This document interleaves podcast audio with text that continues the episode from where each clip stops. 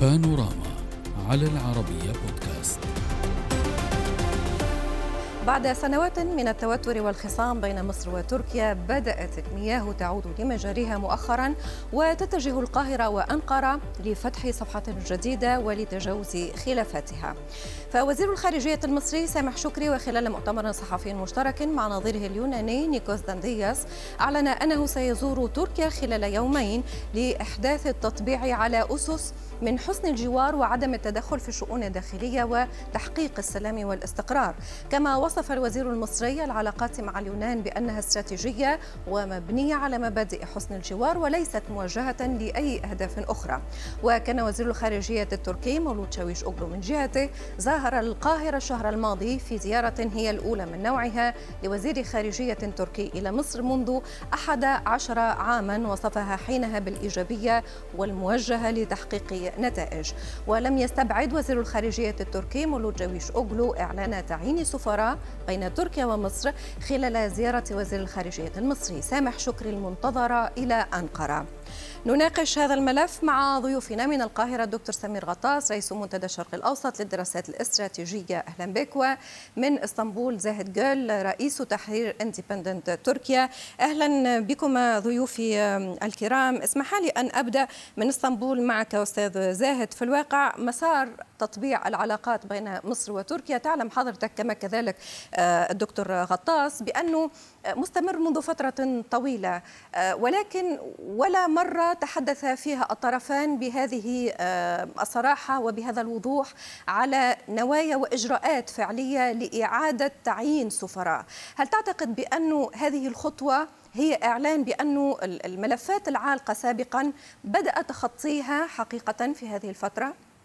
باعتقادي أن هذا المسار نعم هو مسار طويل كما أشرت إلى ذلك. فإننا عندما ننظر إلى الخطابات التركية ورغبتها في عودة العلاقات التركية المصرية سنجد ربما خلال العامين العديد من التصريحات وبعض المواقف الرسمية الحكومية التي تؤكد على رغبتها في عودة العلاقة التركية المصرية لكن واجه ذلك بربما ما يمكن تسميته بالشروط والمطالب المصرية المحقة بطبيعة الحال في أكثرها. وبالتالي هذا المسار حقيقة أخذ ربما نوع من أنواع التباطؤ الذي لم تكن ترغب فيه أنقرة. يعني ربما يمكن أن نقول أن تغيير المسار في السياسة الخارجية التركية بدأ ربما في تصريحات تخص مصر ابتداء وانتهاء لكننا شهدنا قبل نحو يعني قبل نحو في بداية الأمر تحسن العلاقات مع دول الخليجية ولا سيما الإمارات منها. ولكن كان من المتوقع أو كان متوقعا أن تكون عودة العلاقات التركية المصرية قبل هذا التاريخ، لكن ربما بسبب الملفات التي أشرت إليها هو الذي أخر السبب، لكن يبدو أن الكثير من الإشكاليات أو الكثير من الخلافات آه تم آه تجاوزها أو أو تم التفاهم على صيغة لحلها وبالتالي يمكن الحديث أن نعم.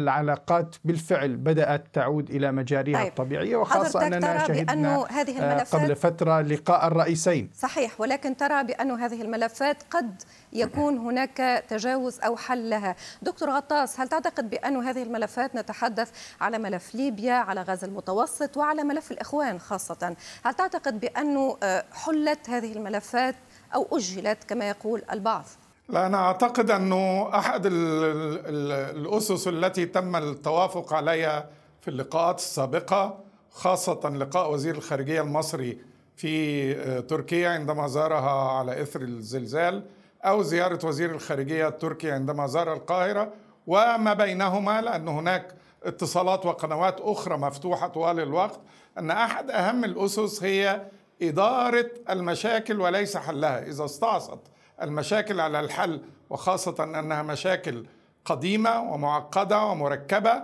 وتتعلق بأطراف أخرى لأنها ليست فقط علاقات ثنائية. يعني مثلا التنقيب في شرق المتوسط ليبيا كلها ملفات تتعلق تتشابك مع أطراف إقليمية أخرى وبالتالي فهي أكثر حساسية من العلاقات الثنائية من الملفات الثنائية. ولذلك أنا أعتقد أنه تم التوافق والتفاهم على إدارة هذه الملفات ريثما يتم تطور إيجابي في كل ملف على حدة نعم. يسمح بالتقدم لحلها. طيب لكن, ولكن لا يمكن دكتور غطاس الآن آه على صحيح. حل هذه الملفات صحيح. المعقدة. ولكن قد يقول بعضهم بأنه بالنسبة لغاز المتوسط يمكن إدارة الملف. بالنسبة للملف الليبي والخلافات واختلافات وجهة النظر يمكن ولكن بالنسبة لموضوع الإخوان الذي تعتبره مصر آه مبدئي. أساسي. آه لا يمكن التنازل عنه في حين بأن البعض يرى بأن تركيا التفت على هذا الملف فتحت حدودها لبعض المطلوبين في الداخل المصري قامت بتسفيرهم. طبعا نحن نورد هذه المعلومات بحسب تسريبات لا نؤكدها ولا ننفيها ولكن ننقلها لمناقشتها. أه، حضرتك كيف سيتم إدارة مثل هكذا ملف ثقيل مع كل هذه الشكوك؟ يعني مصر كانت تتمسك بمبدأ تسليم المطلوبين وخاصة الذين صدرت ضدهم أحكام قضائية في مصر. الجانب التركي اتخذ بعض الإجراءات تم ترحيل أو خير قيادات من الإخوان المسلمين بالبقاء والالتزام بالقواعد المرعية فيما يتعلق باللجوء السياسي يعني بعدم الضغط على أو استخدام الأراضي التركية للهجوم على مصر تحديدا وجزء أغلق. بعض المنصات الإعلامية أغلقت لكن تركيا رفضت دائما تسليم المطلوبين للعدالة المصرية الذين صدرت ضدهم أحكام. وأنا ربما على نعم. قناتكم أشرت في مرة سابقة إنه في سابقتين حصل في تركيا. السابقة الأولى هي قس تركي كان معتقلا في تركيا محبوسا بحكم قضائي وطلب الرئيس السابق الامريكي السابق الافراج عنه وافرج عنه وفي مواطن مصري اسمه أحمد عبد الحفيظ كان متهم في قضية اغتيال النائب العام وقامت تركيا بترحيله في كل نعم. الأحوال إنني أتوقع أن يخفض إلى الحد الأدنى نشاط جماعة الإخوان المسلمين في تركيا لأن تركيا اكتشفت بالممارسة أن هذه الجماعة أن دعم هذه الجماعة لا يؤدي إلى أي نتائج ترجى وربما كانت الدعاية الضخمة المضخمة التي استخدمت من تركيا حول 11 11 اكتشفت دكتور يعني سمير. الشارع المصري ضد السلطة إلى آخره. ظهر أنه يعني مجرد يعني إجراء إعلامي فقط لا غير. وبالتالي تقول تقول بأن تركيا اكتشفت بأنه هذا الملف. صحيح تقول بأن آه، ربما هي اكتشفت في الوقت المناسب. ولكن آه، ليس هذا سؤال. سؤال آه، أستاذ زاهد دكتور سمير يرى بأنه الأنسب ويقرأ بأنه هناك نية لإدارة المشاكل وليس إلى حلها. هل تعتقد بأنه هذا هو الإطار الذي سنكون أمامه؟ إن كنت تتفق وأراك تتفق رب ربما من خلال آه، تعابيرك آه، هل تنجح هذه الطريقة في عودة السفراء مبدئيا وفي توطيد العلاقة في مرحلة أخرى؟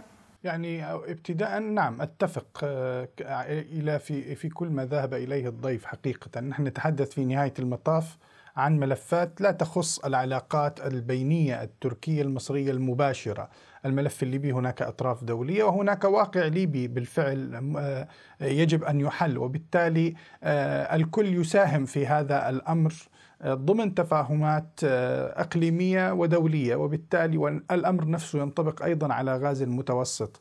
وبالتالي أعتقد أنه أيضا مع تحسن العلاقات التركية اليونانية لا شك أنه سيتم المساهمة في موضوع حلحلة غاز المتوسط ومع أيضا آه، يعني التفاهمات التي حصلت بين تركيا ودولة الإمارات وغيرها من الدول أعتقد أنه أيضا اقتربنا دعنا نقل من الحلحلة في المسألة الليبية أو التفاهمات في ما يتعلق بليبيا وبالتالي لا أعتقد أن هذه الخلافات كانت هي العقبة الأساسية في عودة العلاقات التركية المصرية، كان هناك بطبيعة الحال مشاكل فيما يتعلق بالعلاقات البينية وعلى رأسها كما أشرت موضوع الإخوان وغيره من القضايا المشكلة المتشابهة. آه، أعتقد أن موضوع الإخوان إلى حد كبير أصبح جزءا من الماضي حسب الممارسات الفعلية التركية وربما ولكن يعني لماذا الآن سيد زاهد؟ آه، مع أي ولكن لماذا الآن؟ سؤال مطروح لماذا اكتشف تركيا الآن بأن هذا الموضوع قد يثقلها ولا ينفعها في شيء؟ خاصة أن الملفت في الموضوع أن باب المصالحة المصري التركي يتزامن مع أبواب مصالحة أخرى وحضرتكم تتابع تتابعون ما يحدث في المنطقة. نتحدث عن المصالحة السعودية الإيرانية نتحدث عن التهدئة الحوثية باتجاه البدء ببناء شيء.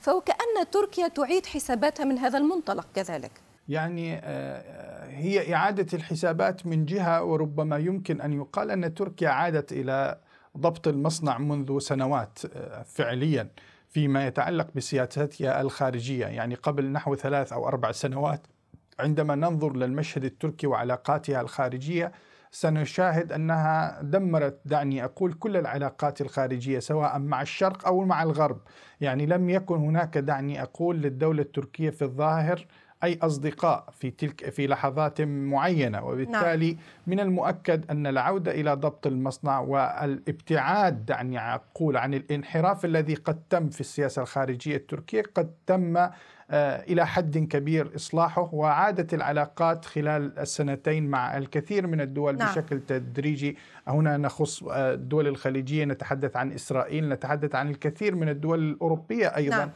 آه، التي آه، أصبح هناك تواصل مباشر معها وبقيت ولكن بقت لي دقيقة آه، سيد جيرل اسمح لي أن أنهيها معك دكتور غطاس عن دلالة التوقيت.